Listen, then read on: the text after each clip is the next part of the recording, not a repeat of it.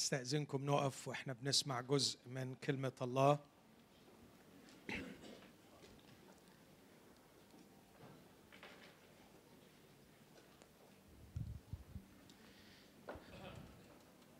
هقرأ من إنجيل مرقس الأصحاح الأول والعدد التاسع. وفي تلك الأيام جاء يسوع من ناصرة الجليل واعتمد من يوحنا في الأردن. وللوقت وهو صاعد من الماء رأى السماوات قد انشقت. والروح مثل حمامة نازلا عليه. وكان صوت من السماوات أن تبني الحبيب الذي به سررت. وللوقت أخرجه الروح إلى البرية. وكان هناك في البرية أربعين يوما يجرب من الشيطان وكان مع الوحوش وصارت الملائكة تخدمه.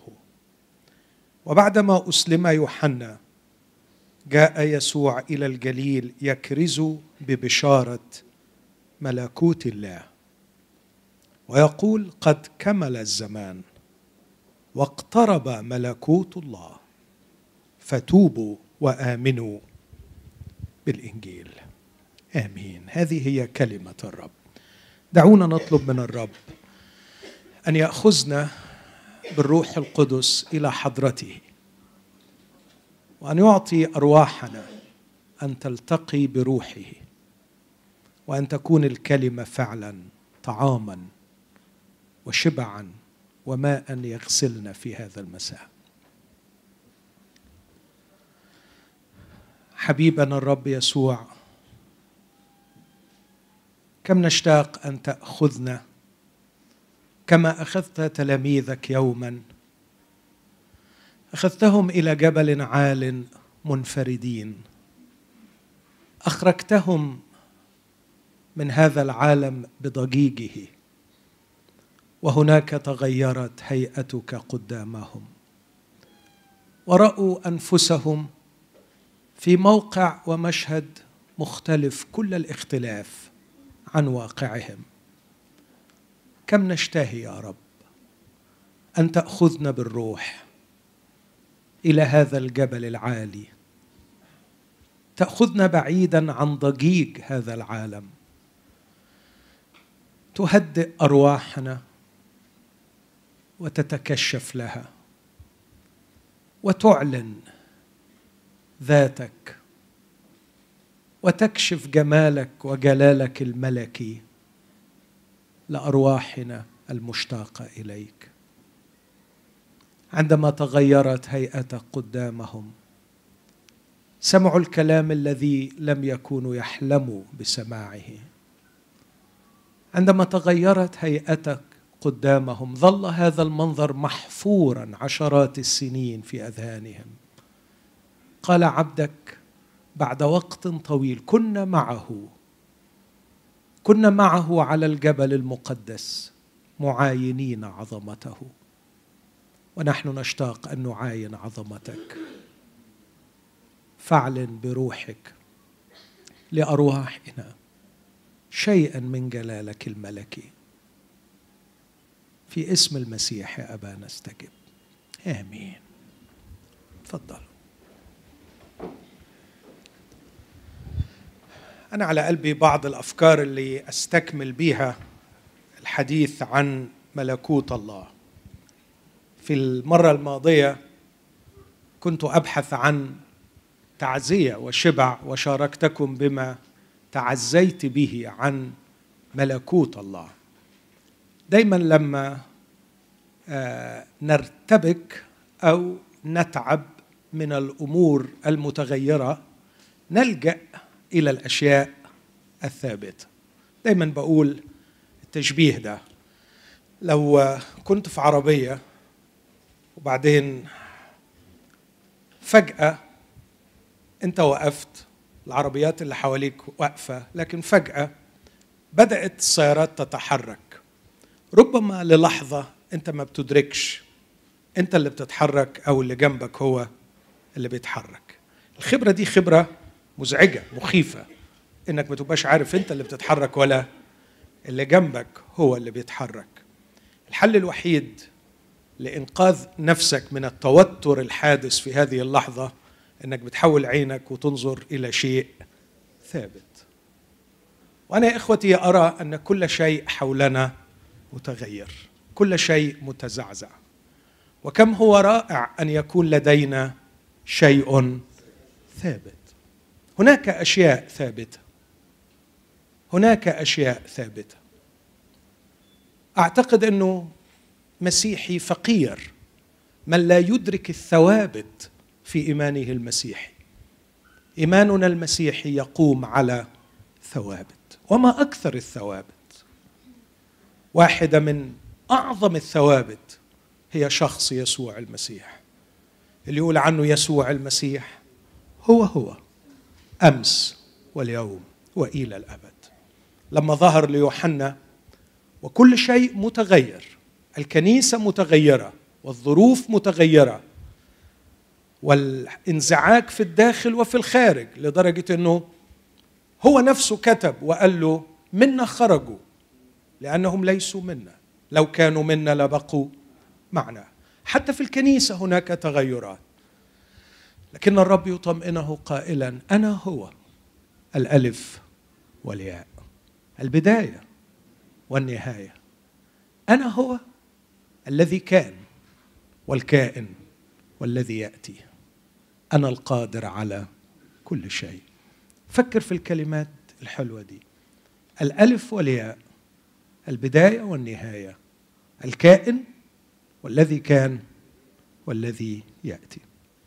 أعتقد أنه شخص تعيس من لا يربط حياته بشيء ثابت. يا للرعب لو أن كل شيء في حياتك متغير. حاول كده تستعرض معايا بسرعة شديدة كم الأشياء المتغيرة في هذه الحياة. في الواقع مش هتلاقي ولا شيء واحد ثابت. ونحن قابلون ملكوتا لا يتزعزع. هذا هو الشيء الثاني الثابت. شخص يسوع ثابت شخص الملك ثابت. لكن الشيء الثاني الثابت اللي حابب أتعلم عنه وأنا أقول بصدق ليس من قبيل التواضع لكن بصدق أشتاق أن أتعلم وأفهم أكثر عن هذا اللغز العظيم ملكوت الله. وكم أنزعج كم أنزعج عندما أرى البعض يتكلمون عن ملكوت الله وكأنهم يلمون بكل ابعاده وكأنهم يدركون اعماقه بينما في الواقع المسيح نفسه تكلم عن شيء اسمه أسرار ملكوت السماوات. وصحيح أنه وضح شيئا من هذه الأسرار لكن يبقى أن لملكوت الله اسراره وغموضه وعلينا أن نحترم هذا وأن نقترب بخشية واتضاع ونحاول أن نفهم. لكن ما الداعي الذي يجعلني أتوقف أمام ملكوت الله؟ أنه له هذه الصفة الأخرى الجميلة أنه ملكوت لا يتزعزع. كل شيء متغير. الأشياء المصنوعة كلها متغيرة لكن يبقى لنا هذا الملكوت الذي لا يتزعزع. تحبوا نقرأ العبارة دي مع بعض؟ أعتقد إنها موجودة في رسالة العبرانيين. والأصحاح الثاني عشر. عبرانيين 12 بيختم الرسول حديثه لإخوة متألمين. كل شيء حواليهم بيتغير لكن بيشجعهم وبيقول لهم في عبرانيين 12 هذه الكلمات الرائعة في عدد 26 يقول عن الرب الذي صوته زعزع الأرض حينئذ وأما الآن فقد وعد قائلا إني مرة أيضا أزلزل لا الأرض فقط بل السماء أيضا. فقوله مرة أيضا اسمع العبارة دي يدل على تغير على تغيير عفوا على تغيير الأشياء المتزعزعة كمصنوعة لكي تبقى التي لا تتزعزع. لذلك ونحن قابلون ملكوتا لا يتزعزع ليكن عندنا شكر. به نخدم الله خدمة مرضية بخشوع وتقوى لأن إلهنا نار آكلة. هذا الملكوت الذي لا يتزعزع محتاجين نفهم عنه أكثر وده اللي هحاول أقترب إليه في هذا المساء. المرة اللي فاتت وقفت قدام بعض الحقائق عن الملكوت. وقفت قدام أهمية حقيقة ملكوت الله حقيقة مهمة. لم تذكر إلا في العهد الجديد ولا مرة ذكرت في العهد القديم. فهي شيء مهم للغاية إعلان جديد ونور جديد عن ملكوت الله.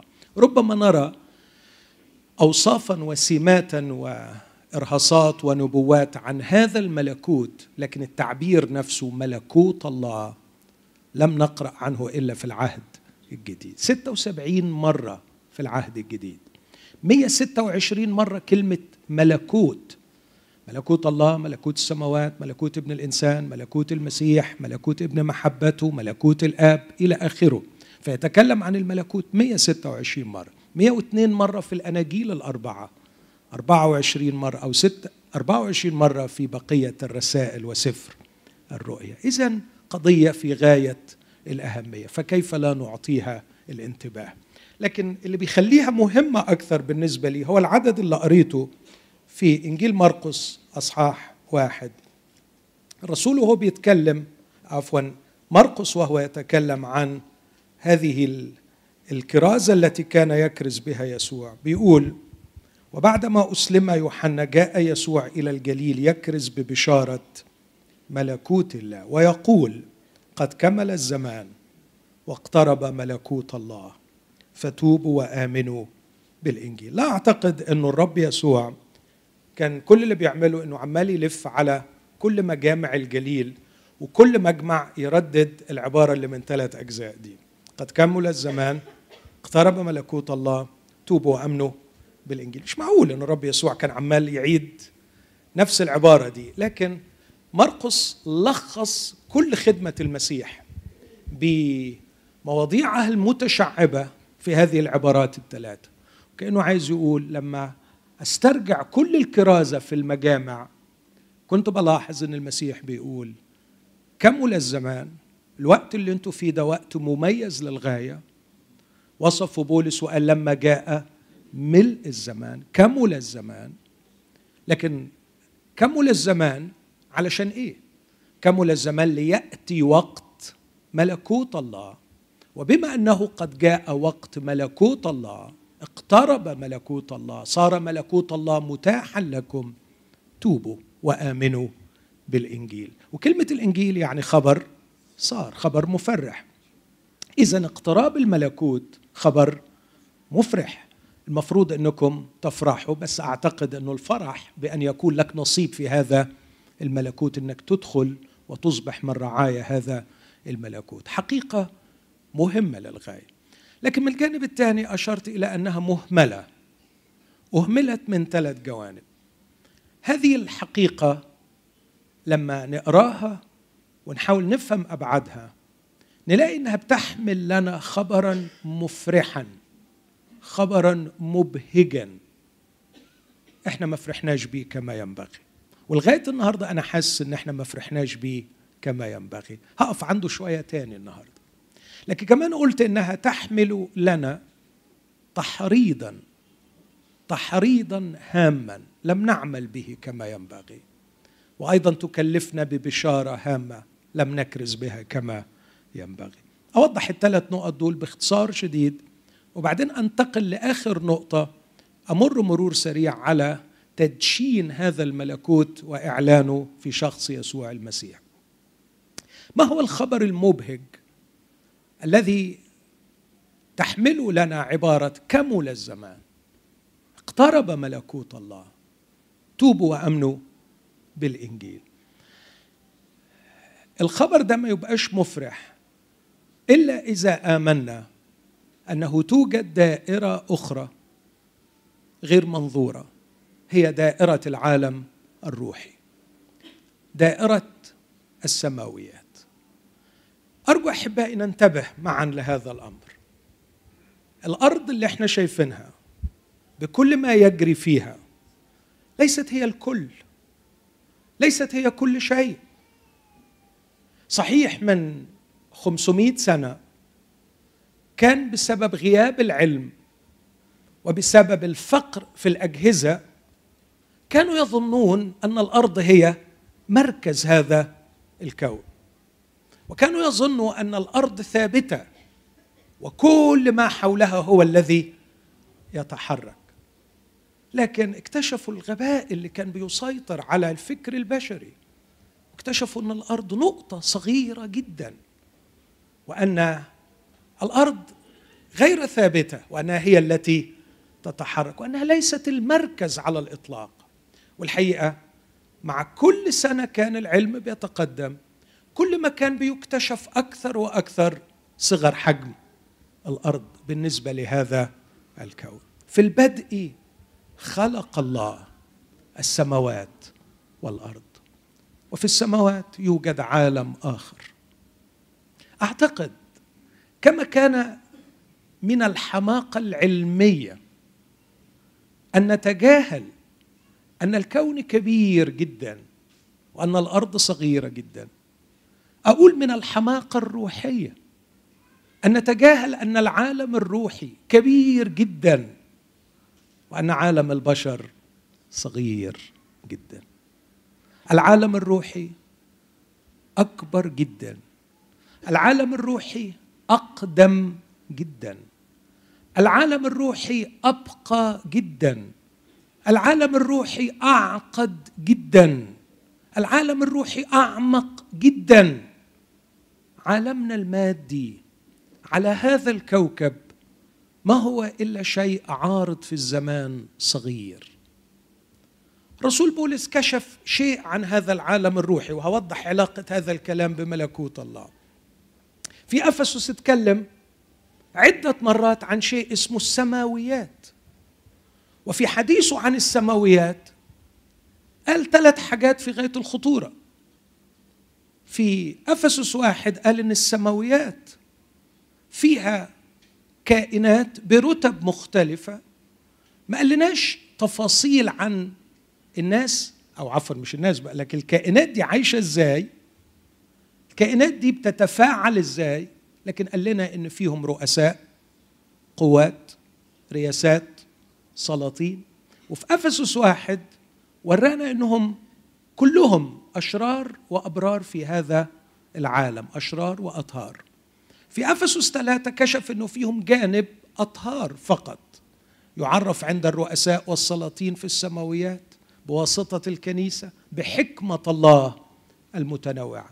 في أفسس ستة ركز على الجانب الشرير في هذه القوات فقال أجناد الشر الروحية في السماويات. هذا العالم الكبير جدا اللي ما نعرفش عنه كتير. في ملائكه أطهار في ملائكه أشرار. هناك صراع هناك مخططات هناك أعمال تعمل مكائد العدو في هذا العالم. وهناك معونات ترسل من هذا العالم. عالم لا ندري عنه شيئا إلا البسيط ما أعلنه الكتاب.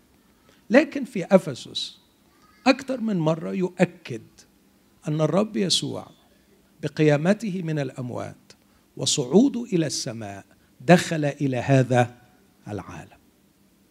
وفي هذا العالم كإنسان أخذ أعلى مرتبة وجلس على القمة أجلسه عن يمينه في السماويات فوق كل رياسة وسيادة وسلطان وقوة واسم يسمى. ليس في هذا الدهر فقط بل في المستقبل أيضا. وأخضع كل شيء تحت قدمي. أشار إليه في كلوس اثنين وهو بيقول ان الرب يسوع لما دخل إلى هذا العالم دخل منتصرا ووصف النصرة اللي دخل فيها إلى هذا العالم جرد الرياسات والسلاطين.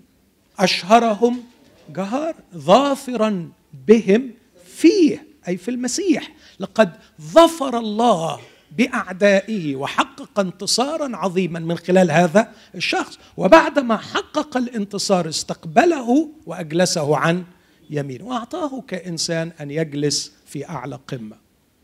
بطرس أيضا رأى هذا المنظر بالروح وقال عن الرب يسوع إنه مضى إلى السماء. بعدين يقول وملائكة وقوات وسلاطين مخضعة له. بولس يوصف في فيليب 2 يقول إنه الله رفعه وأعطاه اسما فوق كل اسم. إخوتي كل هذه الآيات لا تتكلم عن الرب يسوع باعتباره ابن الله لأنه الحقيقة ما ينفعش الكلام عنه كابن الله على إنه بيترفع على إنه بيعلى على إنه بياخد حاجة ما كانتش ليه لأنه ده ابن الله الكل له. لكن ده وضع جديد.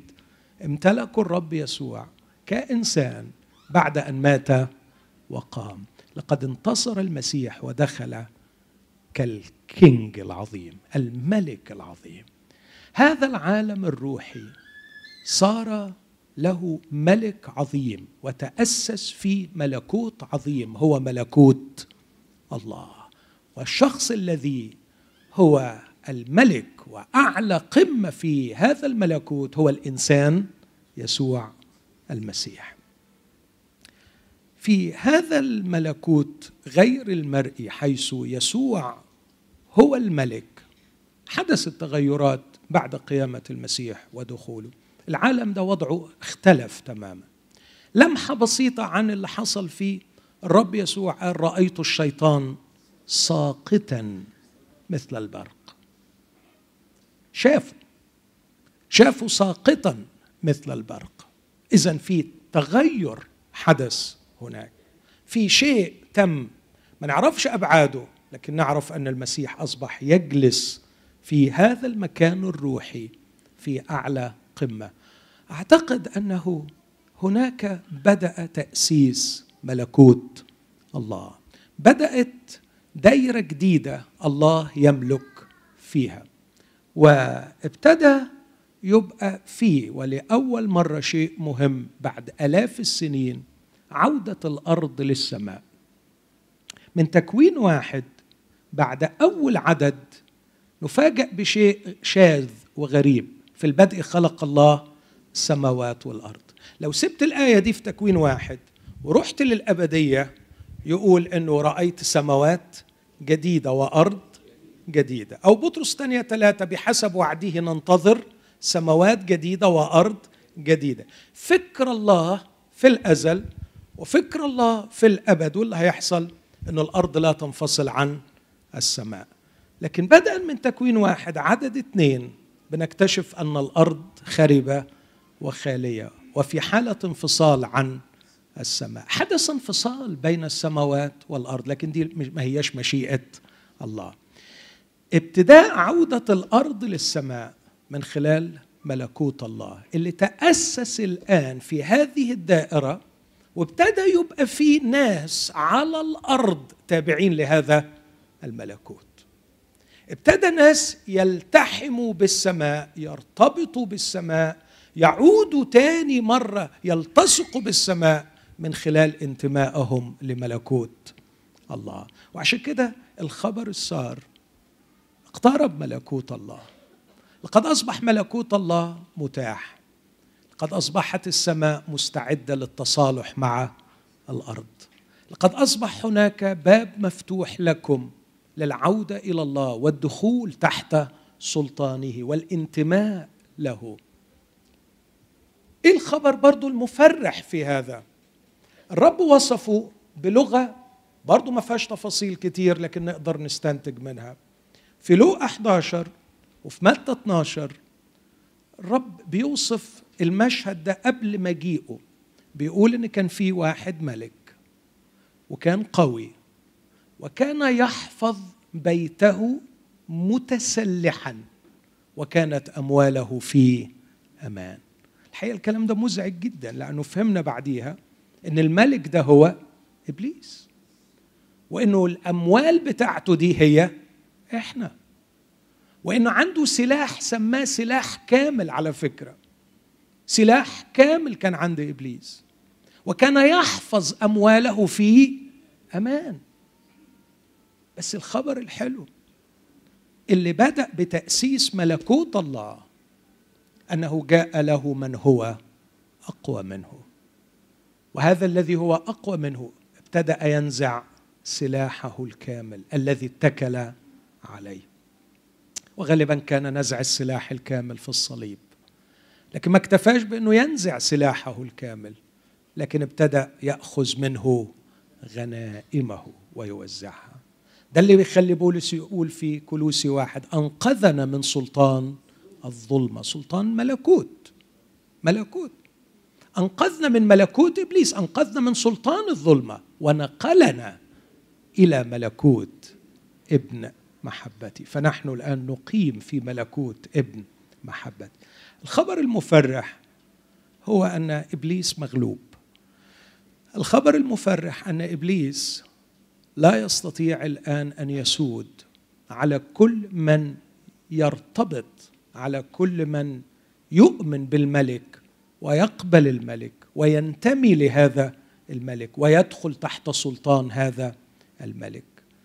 أعتقد إن الخبر ده مفرح لمن يعرف شراسة إبليس وظلم إبليس وقسوة إبليس في سيطرته على الناس.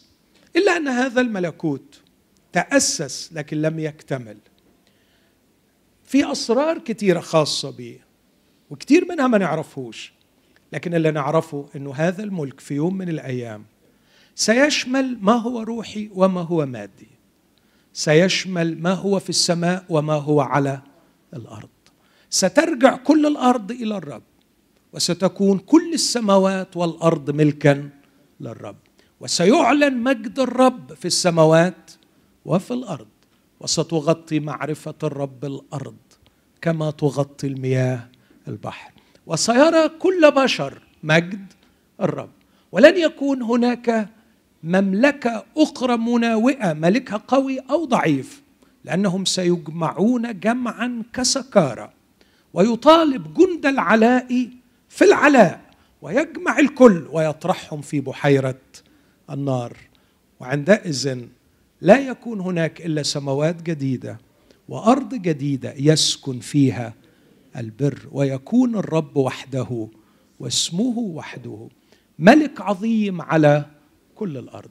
وكل ما نتج عن المملكة القديمة والسيادة القديمة والخطية التي سادت تحت إشراف هذا الملك الشرير من مرض وموت وتحلل وتفسخ للعلاقات الأمور الأولى قد مضت. البحر لا يوجد فيما بعد لا فواصل فيما بعد لا انفصال لا تفسخ لا تحلل لا فساد الأمور الأولى قد مضت. وقال الجالس على العرش ها أنا أصنع كل شيء جديدا. ويسمع الصوت المبارك في السماء. صارت ممالك العالم للرب ولمسيحه هذا الملكوت بدأ والله مستمر في إنجاز مشروعه حتى يصبح كل شيء تحت سيطرة المسيح. لكن في تحريض ما خدناش بالنا منه لأننا أهملنا مسألة الملكوت. تحريض هو على الصبر.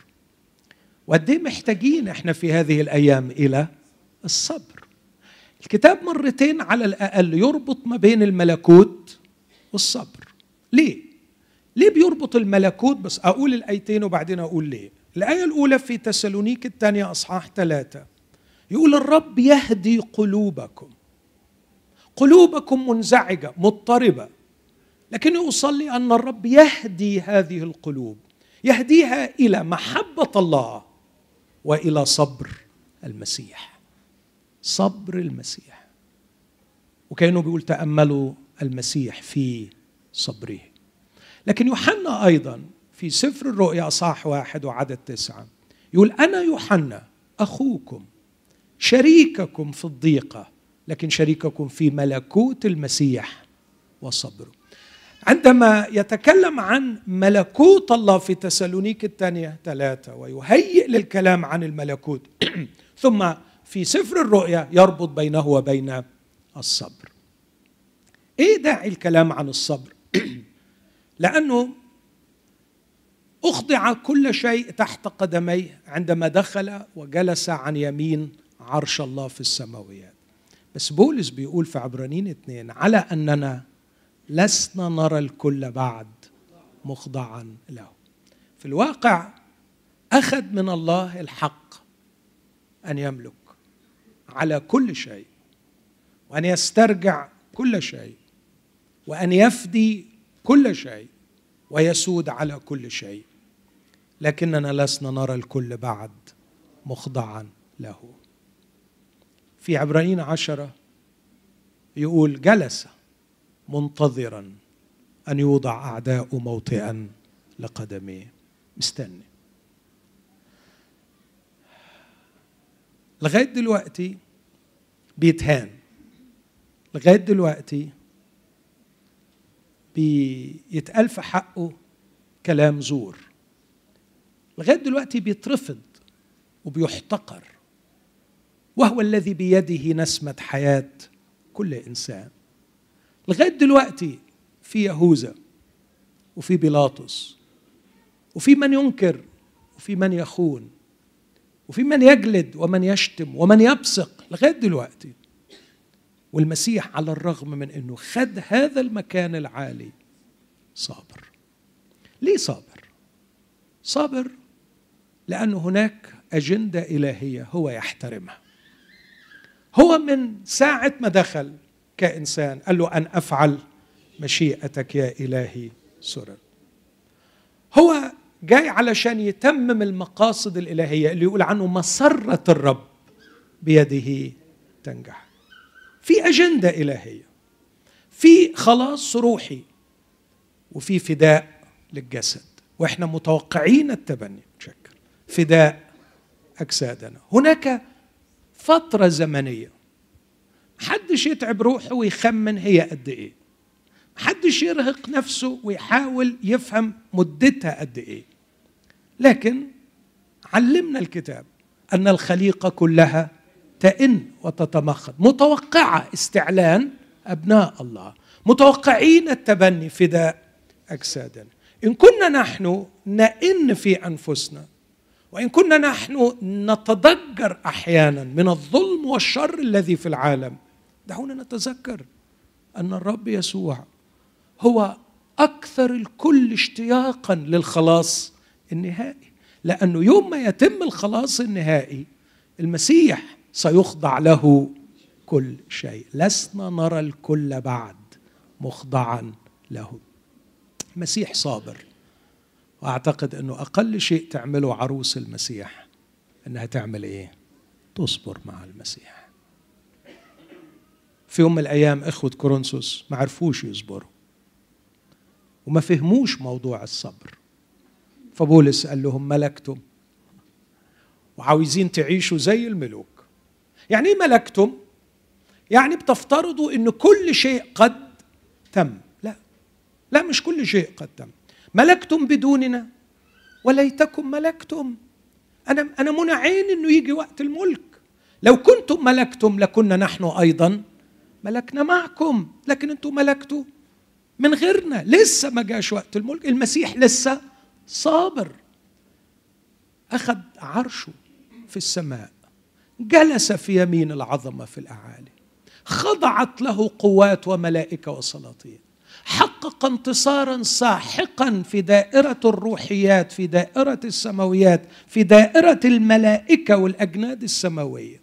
لا أعرف أبعاد انتصاره هناك ولا أريد أن أنتفخ باطلا وأتداخل فيما لم انظره لا أتكلم عن هذا العالم كثيرا خوفا من هذا الانتفاخ الباطل والكلام في شيء لم أنظره. لكني أعلم أن الرب يسوع حقق انتصارا ساحقا في هذا المجال وهو فرح بهذا الانتصار سعيد بهذا الانتصار. لكنه ينتظر النصرة النهائية هنا أيضا. على الأرض. عندما تجثو باسمه كل ركبة مش بس في السماء لكن فين كمان؟ على الأرض. وهذا سيحدث وحتما سيحدث. لكن كانت خطة الله هي خلاص البشر بطول الأنات بالصبر الكثير بالانتظار الكثير. من خلال حاجة سماها سنة الرب المقبولة. سنة سنة مقبولة. اصبر. اصبر اصبر. أعتقد أن الرب يسوع كالملك في شوق أن يخضع له كل شيء. والرب يسوع كالعريس في شوق أن تزف له العروس. والرب يسوع كالكاهن الذي يرثي لضعفاتنا في شوق أن تنتهي ألامنا وضيقاتنا. والرب يسوع كالمحب والصديق في شوق الا يموت لعازر. والا يتألم فلان لا تتألم فلانة. هو في شوق لهذا لكنه يخضع للأجندة الإلهية. يخضع للمواقيت الإلهية. هو صابر. هو صابر. وعلى كنيسة المسيح أن تتعلم الصبر. من دخلوا ملكوت الله عليهم أن يدركوا أن الملكوت في جانب تمتعنا به وفي جانب لم نتمتع به بعد وعلينا أن نصبر في انتظار تحقيقه. ده اللي شجع به الإخوة العبرانيين المتألمين وقال لهم بعدما صبرتم على مجاهدة آلام كثيرة تحتاجون إلى الصبر. تحتاجون إلى الصبر. الشاعر زمان قال يا بائع الصبر. لا تشفق على الشاري. فدرهم الصبر بقنطار إيماني. يعني كل قنطار إيمان يجيب لك درهم صبر. الصبر مش حاجة سهلة. نحتاج زي ما قال الرسول إلى الصبر. صبر سماه صبر المسيح. صبر المسيح. المسيح صابر. وعلينا أن نتعلم الصبر. لكن لاحظ لاحظ أن الصبر الذي نتكلم عنه ليس بالمفهوم الذي يفهمه الناس هو صبر سلبي. بمعنى إنك تقعد في مكانك وتخضع لظروفك ويعني آه، ما عندكش حيلة غير إنك تسكت وتصبر. الصبر مش عايز أقول آه، عبارات توضح مفهوم الصبر في المفهوم العربي. لكن الصبر في المفهوم المسيحي عامل إيجابي يغير في شخصيات المؤمنين ويجهز شخصيات المؤمنين ويعد العروس للملك مع المسيح. وعلى قد ما حفار الصبر على قد ما منشار الصبر على قد ما مثقاب الصبر يعمل شغله في الشخصية على قد ما ينحت فيها ويجملها ويؤهلها يؤهلها لمكان أعظم في ملكوت الله. أقول آيتين بسرعة. رومية خمسة العبارة المشهورة. الضيق ينشئ صبرا والصبر تزكية. ينحت الشخصية بجمال خاص. تسالونيكي الثانية أصحاح واحد. يقول إن الضيق اللي بتعدوا فيه يؤهلكم لملكوت الله. إذا نحن نتأهل لمكان أعلى كما أشتاق أن أرى هذا المكان. لمكان أعمق لمكان أقرب للملك ربما لقرب خاص من الملك. آه يا أحبائي لو الرب يفتح عيوننا آه لو الرب يفتح عيوننا أعتقد أعتقد إن الكلام اللي سمعناه كتير زمان صحيح لما كانوا يقولوا لنا لما هنوصل هناك ونفهم معنى الآية خفة ضيقتنا الوقتية تنشئ لنا أكثر فأكثر ثقل مجد أبدي. هنندم إن إحنا ما خدناش ضيقات أكثر. أعتقد إن فيها وجهة نظر صحيحة. لو كنت أعلم أن هذا الصبر سيغيرني أكثر. وعلى قدر التغير أكثر سأقترب من الملك أكثر. وأستمتع بالملك أكثر. وأعمل مع الملك أكثر. ويكون لي سلطان أكثر في ملكوت الله. لكنت أرحب أكثر وأكثر وأكثر بمزيد من الضيق ومزيد من الصبر. ملكوت الله في مفهومه في العهد الجديد مرتبط بصبر. المسيح. لكن كمان البشارة. لما بنبشر بالمسيح الملك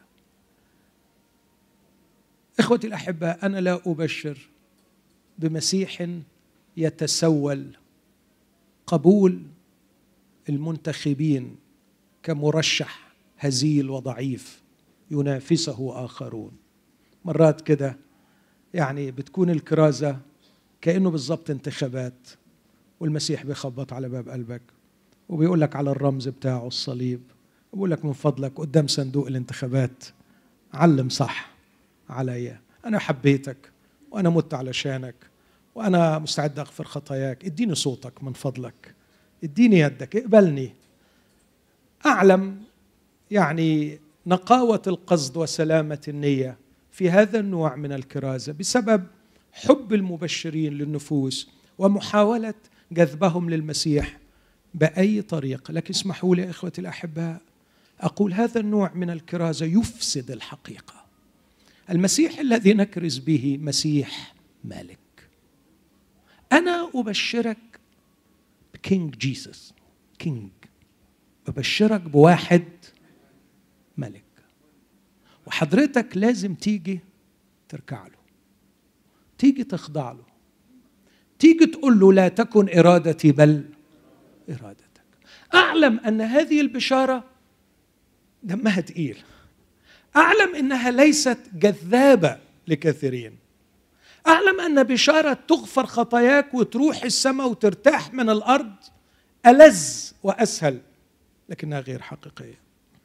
اولا نحن لا نقبل المسيح علشان نروح السماء لكن نقبل المسيح لكي نخضع للمسيح الملك ونتمم مشيئته هنا على الأرض ثم ننتقل لنكون معه في السماء. كل من قبل الرب يسوع المسيح الملك يعلم أن الملك له إرسالية هنا على الأرض وعليه أن يعمل كتلميذ لهذا الملك.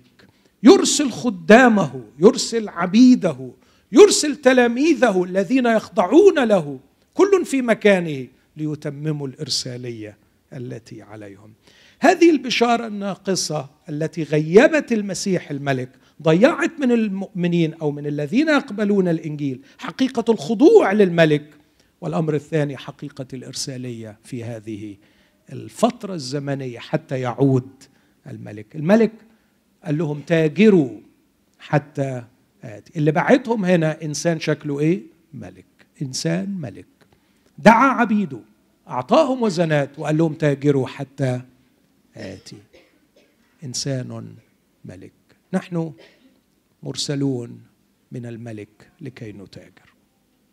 لكن أنتقل إلى لمحة تاريخية سريعة توضح الفكرة. مبنية على فكرة قلتها المرة اللي فاتت. الرب يسوع لما كان بيكرز ويتكلم عن ملكوت الله والتلاميذ كانوا بيتكلموا عن ملكوت الله كانوا بيفترضوا إن الناس اللي قدامهم فاهمه الكلام اللي هم بيقولوه لأنه ما كانوش بيدوا تفصيلات كتيرة فكانوا بيتوقعوا إن الناس اللي هم بيكرزوا لهم فاهمين. وإحنا علينا إن إحنا نفهم الناس اللي كانت بتسمع دي كانت فاهمة إيه عن ملكوت الله؟ علشان نقدر نفهم المعنى اللي كانوا التلاميذ واللي كان الرب يسوع نفسه بيكرز بيه. اليهود اللي تمت بينهم البشارة بملكوت الله كان عندهم فهم كبير لمملكة داوود أبينا. وفاكرين لما الرب يسوع دخل في أحد الشعانين دخوله اللي بيسمى الانتصاري هتفوا وقالوا مباركة مملكة داوود أبينا مبارك الملك الآتي باسم الرب. إيه اللي كانوا مستنينه الغلابة دول؟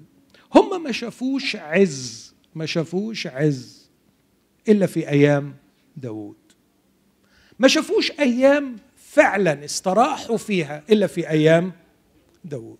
وجي بعد داوود سليمان وبسرعة وبسرعة سليمان جاب المملكة للأرض. أكثر لنفسه النساء أكثر لنفسه الثروة أكثر لنفسه الخيل. أفسد كل شيء. كسر الثلاث وصايا اللي الكتاب حذر منهم في سفر التثنية أصحاح 18 وجاب المملكة للأرض. بس الرب قال له علشان خاطر داوود أبيك مش هقسم المملكة في أيامك لكن في أيام ابنك. وجه راح بعام وانقسمت المملكة ويطلع دين جديد دين غريب دين هزيل أسسه يربعام ابن نباط وياخد عشر أسباط ويبقى مع بيت داوود سبطين وابتدأت الانحد... ابتدأ الانحدار الانحدار الانحدار والضعف. وابتدأت الشعوب الذين حولهم يسيطروا عليهم ويذلوهم. ومن هنا بدأت الأحلام الروحية. إمتى يا رب؟ تبعت لنا ابن داوود اللي يرجع مملكة داوود أبينا. وكانت النبوات كتيرة قوي إنه هيجي من نسل داوود ملك. هيعمل إيه؟ هيحل المشكلة. هنعطى ابنا يولد لنا ولد ونعطى ابنا وتكون الرياسة على كتفه ويعطيه الرب الإله كرسي داوود أبيه فيملك على بيت يعقوب ولا يكون لملكه نهاية. فعاشوا الحلم ده. هيجي الملك هيجي الملك. ولما هيجي الملك كان في نبوات برضه غريبة إنه لما هيرجع لكم أيها اليهود مش بس المسيا هيقيم أو ابن داوود هيقيم الملك. مسيا يعني الممسوح من الله. يعني ربنا هيطلع ابن لداوود يمسحه زي ما مسح داوود فيقيم المملكة من جديد. يقول عنها عموس عموس تسعة مثلا. يقول هيجي يوم يقيم مظلة داوود الساقطة ويقيم ردمها وساعتها كل الأمم الذين دعي عليهم اسم الرب هيجوا من بلاد كتيرة ويعبدوا الرب مع إسرائيل. لكن فوجئوا إنه ده ما حصلش. وطلعوا الأنبياء يتكلموا مش عن إنه هيقيم مملكة داوود.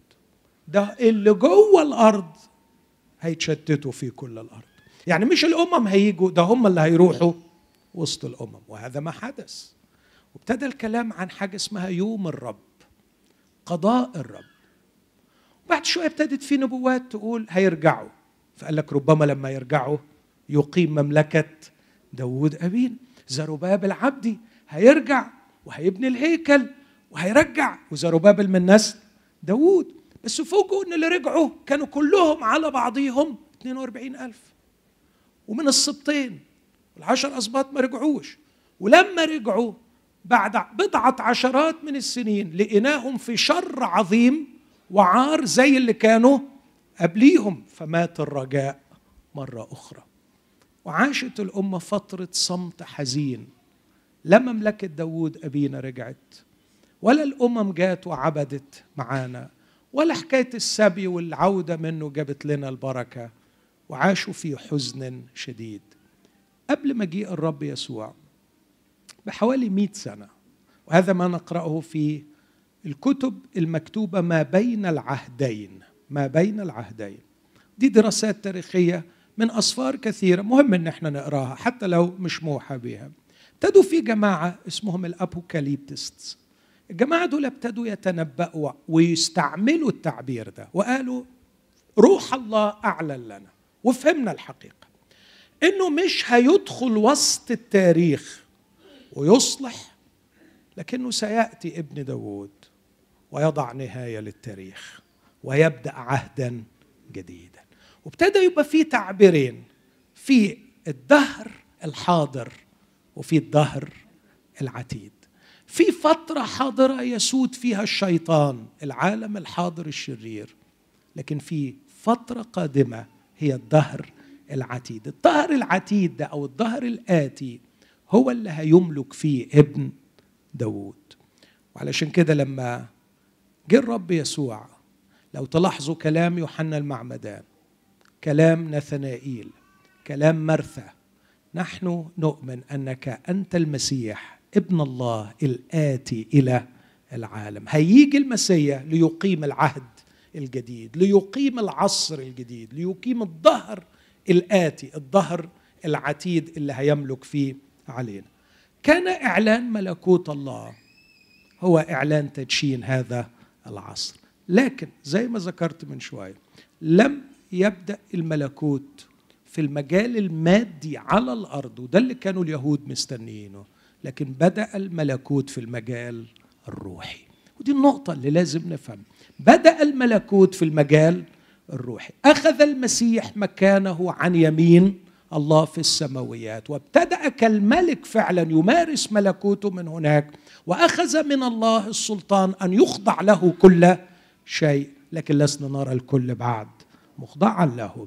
وعلى الكنيسة أن تشاركوا في هذا الصبر. لكن النقطه الأخيرة اللي أحب ألفت النظر لها أول ما دخل إلى العالم بعت له اللي يهيئ الطريق أمامه اللي هو يوحنا المعمدان. على فكرة حكاية تهيئة الطريق دي ما كانتش تحصل إلا للملوك. فكونه يبعت له واحد يهيئ الطريق معناها أن المسيح ملك. وقال أنه الملك لما هيجي هيجي بحاجتين رفشه في يده وينقي بيضره وهيعمد بالروح القدس والنار. هيبدأ تأسيس الملكوت بسكيب الروح القدس يعطي الروح القدس لكن في النهاية سيعمد بالنار.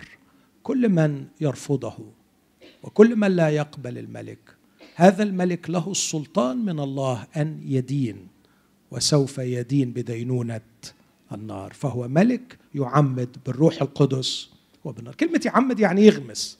ففي ال ال مع من يقبل يغمسه في الروح القدس لكن في النهاية سوف يغمس في النار. كان لابد أن السماء تعلن أن هذا هو الملك. ما يكفيش أن نثنائيل يشهد. ما يكفيش أن المعمدان يشهد. والرب يسوع قال أنا لي شهادة أعظم من شهادة يوحنا المعمدان. معمدان شهد وقال إني لست مستحق أن أحمل حذاء المعمدان قال إن هو ده اللي أنا رايت السماء مفتوحة والروح نازل عليه. بس أنا ليا شهادة أعظم من يوحنا المعمدان. إيه الشهادة؟ هي اللي قرينا عنها. السماوات انشقت وصوت من السماء بيقول أنت ابني الحبيب الذي به سررت. إخوتي الأحباء هذه الشهادة الجميلة تجمع على الأقل ثلاث أصحاحات في الكتاب المقدس.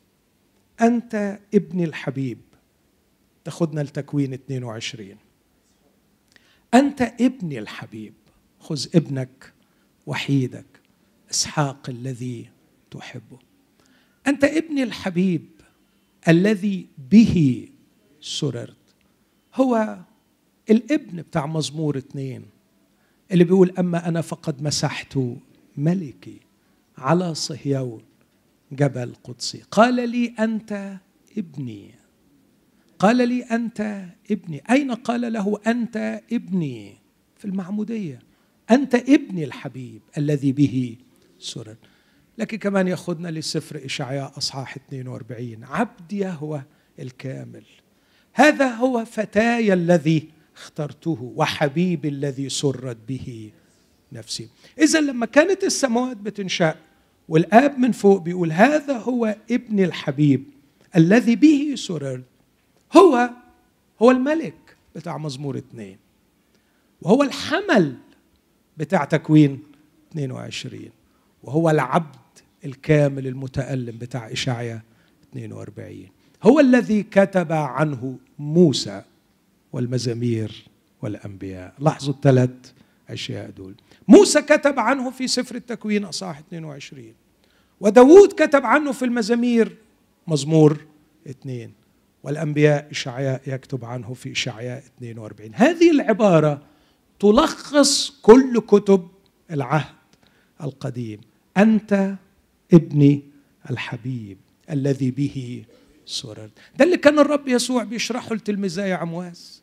أما كان ينبغي أن يتألم المسيح ويدخل إلى مجده كان ينبغي أن يتم في جميع ما هو مكتوب. في ناموس موسى وفي المزامير وفي الأنبياء. ده كان في المعمودية. في التجربة هناك كان في صراع مع إبليس. برضو تاني أقول زي ما قلت قبل كده. مفيش داعي إن إحنا نحاول أن نفهم أبعاد ما حدث في هذه التجربة. لكن كان في أشياء غريبة وعجيبة محدودياتنا تمنعنا من فهم ما كان هناك. عرض عليه إبليس وهم هناك مسألة الملك لأنه فهم إن ده جاي علشان الملك وفهم إنه جاي يملك وإن ملكه هتكون ليه نتائج مدمرة على مملكة إبليس. فقال له أدي لك الملك بس بشرط إنك تخضع لي تسجد لي. وكما ذكرت لا يقصد السجود سجودا حرفيا ركعة لأنه إبليس روح. والرب يسوع كان بيتكلم مع روح والمجال مجال روحي فمش مسألة ركعة لكن مسألة خضوع. تخضع بمعنى إنك تتبع منهجي لكي تملك على هذا العالم. وما هو منهج إبليس؟ هو السيف هو القتال هو القوة. ذاك كان قتالا للناس منذ البدء.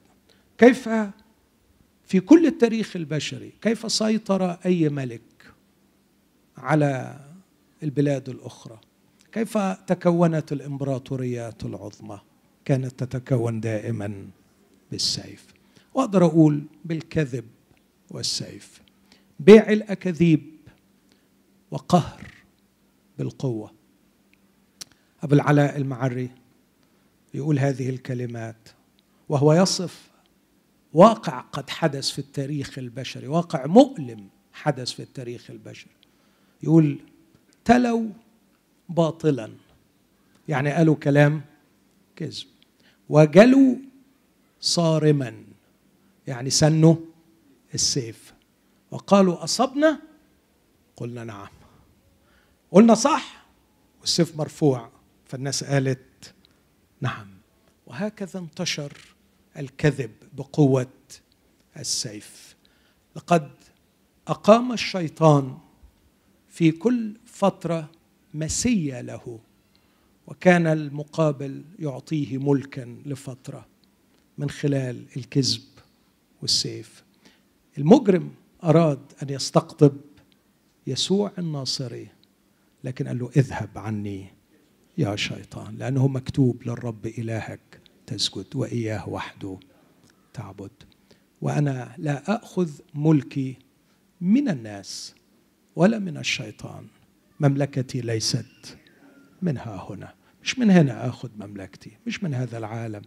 مش منك يا رئيس هذا العالم ولا من الناس. لكن آخذ ملكي من أبي الذي قال مسحت ملكي على صهيون. جبل قدسي قبلوا الابن. لئلا يغضب فتبيدوا من الطريق. وسيأتي يوم ويدخل الآب بكره إلى العالم ويقول ولتسجد له كل ملائكة الله. في متى ثلاثة؟ تبرهن من السماء أن هذا الشخص هو موضوع كل النبوات. في متى أربعة؟ أرانا تحقيق نصرة الملك. في متى خمسة وستة وسبعة؟ جلس يسوع وألقى خطاب العرش خطاب الملك. لما تقرأ الموعظة على الجبل دي لغة إيه دي؟ لغة مين؟ لغة ملك سمعتم أنه قيل أما أنا فأقول. تشريع جديد دستور جديد مبادئ جديدة يضعها لرعايا الملكوت. وكانت أول كلمات طوبى للمساكين بالروح لأن لهم ملكوت السماوات. من الذين سيدخلون ملكوت السماوات؟ هم المساكين بالروح. وهكذا تكلم المسيح وكان آخر عبارة قالت عنه فبهتوا من تعليمه لأنه كان يتكلم بسلطان وليس كالكتبة. كان سلطان الملك ابتدى يوضح. لكن بعد ما أنهى الخطاب مباشرة نزل وعمل 12 معجزة. في اصحاح 8 وتسعة. عمل 12 معجزة مباشرة ورا بعض ومعجزات الحقيقة مفيش وقت أقف قدامها منتقاة بعناية لتبرهن سلطان الملك في العالم الروحي وفي العالم المادي. سلطان الملك على الأجساد وعلى الأرواح. بس أقول يعني أدلة أو دلائل أو براهين قليلة للغاية. سلطان الملك على العالم المادي يسجل معجزة غير عادية عن شخص وهو نايم في السفينة. وبعدين يقوم يقول للبحر اسكت ابكم فيصير هدوء عظيم. والسلطان على العالم الروحي مش بس على العالم المادي. كانت الشياطين تراه فتصرخ. يخرج الشياطين بكلمة. يا أخيرا أخيرا ظهر حد يلمهم. أخيرا ظهر حد كلمته ماشية عليهم. هو قال لهم إن كنت أخرج الشياطين بإصبع الله فقد أقبل عليكم ملكوت الله. برهن أنه الملك. ليه كلمة على الشياطين؟ وليه كلمة على الطبيعة؟ وليه كلمة على الأمراض؟ قد إيه شفى أمراض للأجساد؟ وليه كلمة على الأرواح في الداخل لما نزلوا له الراجل؟ قال له مغفورة لك خطاياك. إيه ده؟ إيه ده أنت انت ليك سلطان في العالم الروحي. تغفر الخطايا. السلطان ده ما حدش ياخده إلا الله. قال لهم طب هديكوا البرهان. اديكوا البرهان إن ليا السلطان. أنا قلت للراجل في دايرة العالم الروحي مغفورة لك خطاياك. ما حدش شاف إن خطاياه اتغفرت. ما حدش عرف وتأكد إن خطاياه اتغفر لكن عايز أوريكم سلطان هذه الكلمة وبرهن إنها غفرت الخطايا. إني هستعملها في شيء جسدي مادي قدام عينيكم. أقول له قوم احمل سريرك. وامشي. فقام في الحال. من له السلطان أن يغفر الخطايا له السلطان أن يشفي الأجساد. فأول ما قال للرجل قوم قام. يبقى معناها زي ما الجسد استجاب لهذا السلطان الروح أيضا استجابت وتمتعت بغفران الخطايا. المعجزات اللي جت في أصحاح 8 وصح تسعة كانت منتقاة بعناية لكي يبرهن من خلالها أنه صاحب سلطان. على الطبيعة على الأرواح على العالم المادي على العالم الروحي على الأجساد وأيضا على الأرواح. ملك العظيم. أصح عشرة يبعت تلاميذه ويقول لهم روحوا اذهبوا بشروا وقولوا قد اقترب ملكوت الله. ملكوت الله اقترب. توبوا وآمنوا. واداهم السلطان أن يبرهنوا أن الملكوت قد اقترب وقد حان.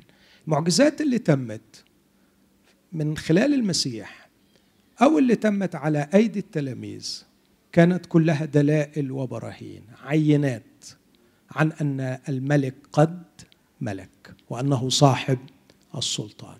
من يدخل إلى دائرة هذا الملك ويرتبط به يستمتع بالملكوت. بس آخر كلمة أقولها وأرجو أن ننتبه إليها.